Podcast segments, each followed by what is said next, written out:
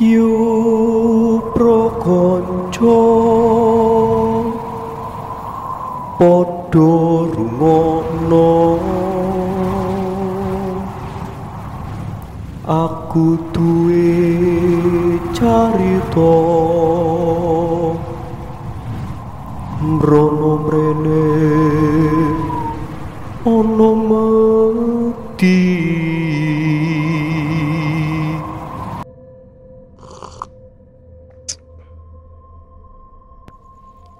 Awalnya aku mau share cerita ini itu ragu ya karena ini merupakan cerita pribadi dari seorang kawanku dan takutnya kawanku itu nggak suka ya kalau ceritanya aku share di sini karena ini menyangkut tentang nasibnya dia dan kehidupannya dia. Itu kan privasi banget ya. Kawanku itu namanya Indra dan kemarin aku sempat izinkan sama Indra buat share cerita ini. Ternyata dia tuh boleh malah dia ngomong nggak apa-apa bro kalau mau di share siapa tahu cerita ini bisa diambil pelajarannya buat teman-teman semua biar teman-teman tuh nggak ngalamin hal yang kayak aku alami gitu. Dan malam ini aku pengen menceritakan sebuah kisah yang dialami sama Indra ya. Jadi Indra itu seorang pemuda yang bisa dikatakan sering banget mengalami kegagalan. Baik itu gagal dalam bekerja ya, membuka usaha, gagal dalam belajar maupun gagal dalam percintaan. Dan Indra ini teman baiknya aku ya. Kemarin juga aku sempat mau ajak dia buat cerita bareng di sini, tapi dianya tuh nggak mau ya, katanya, wah kalau aku yang cerita bareng aku kurang pede gitu. Kamu aja lah yang cerita, silahkan di share gitu buat pelajaran teman-teman semua gitu. Biar nggak ngalamin apa yang aku alami gitu katanya. Dan dulu kalau Indra main ke rumahnya aku dia tuh sering ya sering banget curhat sama aku. Katanya gimana sih ya kok aku usaha terus-terusan kayak gini terus-terusan menemui kegagalan terus-terusan nggak berhasil gitulah intinya ya dan kalau dia curhat tuh aku cuma nanggepin seadanya ya. Ya mungkin itu belum rezekimu bro gitu kan. Mungkin rezekinya kamu tuh bukan di bagian ini gitu. Aku cuma nanggepin kayak gitu. Dan mungkin Indra nggak puas ya. Dia juga ngaku sendiri sama aku kalau dia tuh nggak puas sama tanggapannya aku gitu. Akhirnya tuh Indra curhat sama temanku yang lain ya. Dia namanya Rohmat. Dan ternyata waktu Indra curhat masalah yang sama sama si Rohmat itu, dia tuh ngasih pendapat yang berbeda dari pendapatku ya. Ternyata Rohmat malah menyarankan Indra buat pergi ke salah satu paranormal ya. Tujuannya tuh katanya biar paranormal itu menghapuskan semua kesialan yang ada di dirinya Indra gitu. Emang di dekat daerahku itu ada paranormal yang cukup terkenal sih ya. Dia namanya Mbah Tejo. Dan Indra tuh disaranin kayak gitu sama si Rohmat. Dia langsung minat ya walaupun sebenarnya ini suatu hal yang nggak baik ya karena musrik gitu kan. Tapi dia tuh bener-bener minat banget dengan tawarannya si Rohmat ya mungkin karena Indra juga udah frustasi gitu kan. Dia tuh udah hampir putus asa ya karena kegagalan-kegagalan yang selama ini terjadi gitu kan. Karena ya emang jujur sih aku akui Indra tuh sering banget merintis usaha apa gitu ya. Itu selalu gagal gitu. Terus selalu menjalin hubungan sama gadis gitu ya sama seorang gadis. Itu juga selalu gagal gitu selalu diputusin gitu kan dan mungkin dia tuh udah lelah gitu ya udah capek sama kegagalan itu gitu. Akhirnya hari itu juga dia berangkat ya ke rumahnya Mbah Tejo. Dan itu hari Kamis ya hari Kamis Wage malamnya malam Jumat Kliwon kebetulan kan. Waktu Indra sama Rohmat sampai di rumahnya Mbah Tejo mereka disuruh duduk.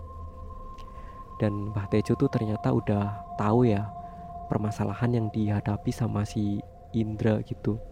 Nggak perlu Indra ngasih tahu ternyata Mbah Tejo itu udah bisa menebak dengan tepat apa yang jadi permasalahannya si Indra sehingga Indra datang ke tempatnya Mbah Tejo itu gitu. Dan itu membuat Indra semakin percaya ya akan kesaktiannya Mbah Tejo gitu. Dia tuh dalam hati langsung ngomong wah aku yakin sama orang ini gitu. Dia tuh bener-bener bakalan bisa memecahkan semua permasalahan yang aku hadapi gitu. Dan Indra ngomong kayak gitu cuma di dalam hati tapi Mbah Tejo tuh langsung menjawab ucapan Indra ya. Iya kamu datang ke sini dengan orang yang tepat gitu. Langsung menjawab kayak gitu. Jadi Indra langsung kaget kan. Dia semakin kagum gitu wah harus berhati-hati nih di depan orang ini nggak boleh ngomong yang sembarangan walaupun cuma di dalam hati gitu kan. Dan akhirnya si Indra itu dikasih jimat ya. Jimat itu berbentuk batu. Batu yang mengkilat banget ya. Dan itu persis banget. Bentuknya kayak biji nangka ya. Besarnya juga sebesar biji nangka. Dan itu katanya tuh batu keberuntungan gitu ya pembawa keberuntungan gitu. Akhirnya Indra menerima batu itu kemudian dia tuh ngasih beberapa jumlah uang ke Mbah Tejo gitu ya. Dan sore itu juga Indra sama Rohmat pulang. Malamnya itu Indra mengalami sebuah kejadian ya yang cukup bikin merinding menurut aku karena waktu Indra tidur batu itu kan ditaruh di bawah bantal ya. Di bawah bantal yang ditiduri sama si Indra. Karena itu salah satu persyaratan yang disebutkan sama Mbah Tejo gitu kan. Dan saat Indra lagi tidur tiba-tiba tuh dia dipeluk sama seorang wanita ya. Itu wanita itu uh, katanya tuh harum banget ya baunya ya kayak bau bunga melati gitu. Dan emang baunya bau bunga melati sih nggak kayak lagi ya sorry. Tubuhnya bunga melati yang nyengat banget harum banget katanya. Dan kebetulan Indra ini masih sendiri ya. Dia belum punya istri belum merit jadi dia kan tidurnya masih sendiri gitu. Dan waktu Indra dipeluk sama sosok wanita itu dia tuh sama sekali nggak bisa gerak ya kayak tertindih gitu kayak direp-rep gitulah kalau istilah Jawanya ya. Dan itu tuh cukup lama ya durasinya tuh cukup lama wanita itu meluknya cukup lama sampai Indra tuh pagi-pagi bangun aja kayak bener-bener lemes banget nggak ada tenaganya. Dan hari itu juga ya paginya itu Indra langsung mendatangi Rohmat kan katanya gila ngeri juga ya semalam tuh aku tidur di peluk sama sosok wanita mungkin penunggu batu ini gitu kan. Terus katanya si Rohmat nggak apa-apa gitu. Itu mungkin penunggu patung itu yang lagi mencoba buat menghilangkan semua kesukaran yang ada di diri kamu gitu. Katanya si Rohmat kayak gitu. Akhirnya Indra ya udahlah oke okay, gitu. Tapi malam-malam yang selanjutnya hal itu terus-terusan terjadi ya. Dia tuh setiap tidur pasti selalu dipeluk sama sosok wanita itu. Dan Indra nggak terlalu jelas ya ngelihat wujud dari wanita itu karena mata dia juga nggak bisa terbuka secara penuh ya kalau udah dipeluk sama wanita itu. Yang jelas tuh Indra tahu kalau yang memeluknya itu seorang wanita dan dia tuh baunya harum banget gitu. Akhirnya lama-lama kan Indra lelah juga ya karena setiap malam setiap tidur pasti kayak gitu gitu kan. Dan dia tuh pengen nyoba tidur di rumah temennya gitu. Dan malam itu akhirnya Indra tuh ngajak kumpul-kumpul ya. Kebetulan kita waktu itu kumpul di rumahnya Amin ya salah satu kawanku juga dan kita tuh nyewa PS terus kita mainan PS ya sampai dini hari gitu. Terus itu semua yang membayar Indra ya yang membayar sewa PS-nya yang membayar suguhannya kopi segala macam rokok. Itu semuanya yang membayar Indra. Dan emang dalam beberapa hari itu usaha Indra tuh cukup maju ya. Dia tuh kayak jualan kecil-kecilan gitu ya itu jualan bakso di depan rumah. Dan aku pribadi waktu itu aku karena belum tahu ya apa yang dilakukan sama Indra. Aku pribadi merasakan jualan Indra tuh akhir-akhir itu cukup maju. Setiap dia baru buka aja udah banyak pembeli yang antri gitu. Pokoknya perekonomian Indra tuh bener-bener meningkat lah. Ya aku sih berpikir positif aja ya mungkin ini karena doa dan usahanya Indra gitu kan. Dan wajar aja kalau malam itu mungkin Indra pengen ngajak kawan-kawannya buat seneng-seneng gitu kan. Akhirnya kita malam itu melek ya di rumahnya Amin main PlayStation gitu. Dan entah kenapa sekitar jam satu lebih ya padahal kita tuh rencananya pengen melek sampai pagi. Tapi jam satu dini hari lebih itu kita tuh ngerasa ngantuk banget pengen tidur. Akhirnya ya udahlah kita matiin PlayStation kan. Terus Indra juga udah tidur duluan. Kita matiin PlayStationnya terus kita semuanya bersiap buat tidur. Kebetulan waktu itu aku tidurnya nggak di deket Indra ya yang di deket Indra itu Amin. Dan malam itu Amin tuh kebangun karena dia tuh kebelet pengen buang air kecil gitu ya. Dan saat Amin kebangun dia tuh ngeliat ada sosok wanita yaitu katanya berkonde dan mukanya tuh pucat banget. Dan sosok wanita itu lagi meluk si Indra sambil apa uh, membelai-belai rambutnya Indra gitu loh. Gitu dan saat Amin ngeliat sosok wanita itu wanita itu tuh langsung menoleh ke arah Amin ya. Dan katanya tuh matanya tuh memberikan pengaruh yang membuat Amin sama sekali nggak bisa teriak. Amin langsung tergeletak ya langsung kembali tiduran gitu tapi dia tuh nggak tidur dia tuh terus menatap wanita itu. Dan wanita itu tuh seakan-akan kayak seorang ibu yang lagi menidurkan anaknya gitu ya. Rambutnya si Indra dibelai-belai dan sesekali katanya wanita itu menjilat-jilat mukanya si Indra gitu walaupun Amin sama sekali nggak berdaya ya tapi dia tuh tetap terjaga ya matanya terbuka dan dia menyaksikan semua yang terjadi. Katanya sosok wanita itu terus menjilat-jilat mukanya Indra dan tiba-tiba tuh entah gimana caranya ya cuma sekejap mata tiba-tiba semua pakaian Indra itu terlepas ya sampai Indra telanjang bulat gitu dan seluruh tubuhnya Indra itu dijilati sama sosok wanita itu Amin takut banget kan lihat kejadian itu. Mau teriak juga nggak bisa gitu kan. Dan dia tuh sampai ngompol ya sampai pipis di celana gitu. Dan kita kita itu termasuk aku yang tidur di samping dia itu sampai kena kompolnya dia ya waktu itu. Dan Amin tuh menyaksikan kejadian itu cukup lama ya. Menyaksikan adegannya tuh cukup lama sampai menjelang subuh gitu sampai terdengar suara ngaji di masjid ya.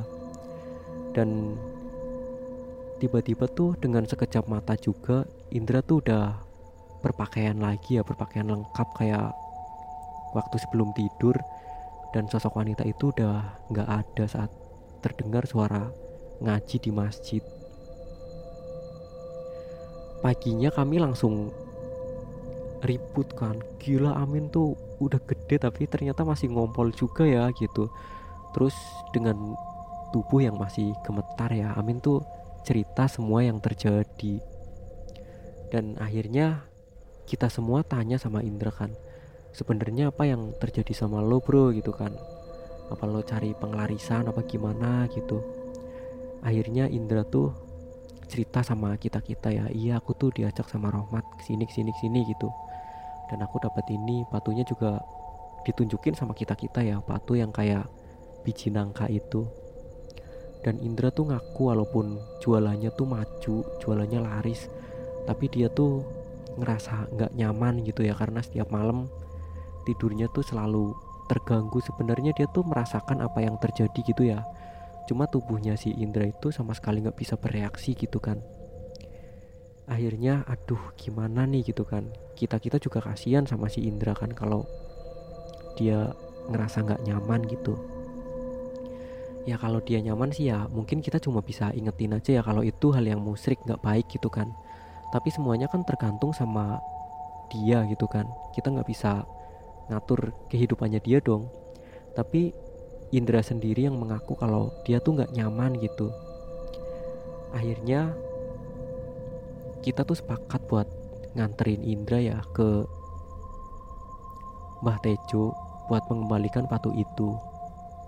Dan akhirnya si Indra sama kita kita ya waktu itu aku nggak ikut sih. Aku waktu itu ada acara ya di luar kota gitu acara dari sekolah.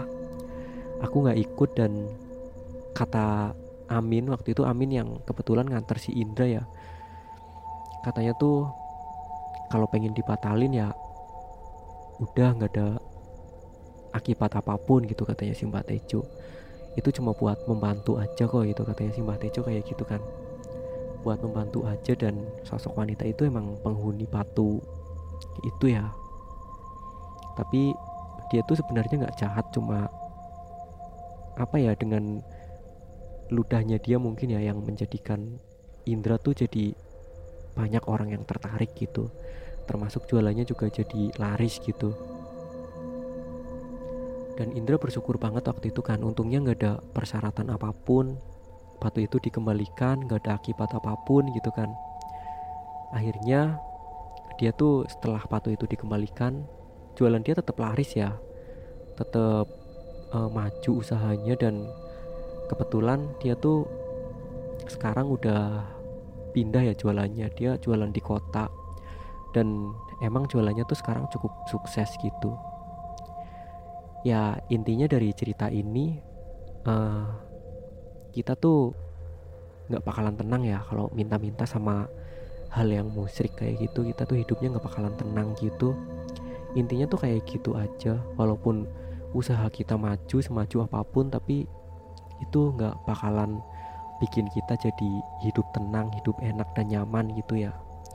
Intinya kalau mau usaha terus sukses ya mungkin lebih baik kerja keras aja kali ya. Kegagalan itu sebuah hal yang wajar ya walaupun itu berkali-kali tapi itu sebuah hal yang wajar. Selama kita masih terus berusaha terus berdoa pasti akan membuahkan hasil yang terbaik. Intinya kayak gitu aja dan teman-teman semua dapat salam ya dari Indra yang cerita hal ini sama aku dan mengizinkan cerita ini buat di-share ke teman-teman semua. Dan mungkin ini dulu ya yang bisa aku share ke teman-teman semua. Semoga suguhan cerita ini bisa dinikmati sama teman-teman ya. Dan kalau teman-teman berkenan, boleh menekan tombol subscribe untuk mendukung aku supaya aku lebih semangat lagi buat berbagi cerita di channel dan di post dan di podcast kisah lembut gitu. Oke, mungkin segini dulu dari aku. Terima kasih buat teman-teman yang udah mendengarkan. Mohon maaf apabila banyak kesalahan ya, banyak kekurangan. Dan kita berjumpa lagi di episode yang selanjutnya. Wassalamualaikum warahmatullahi wabarakatuh. See you.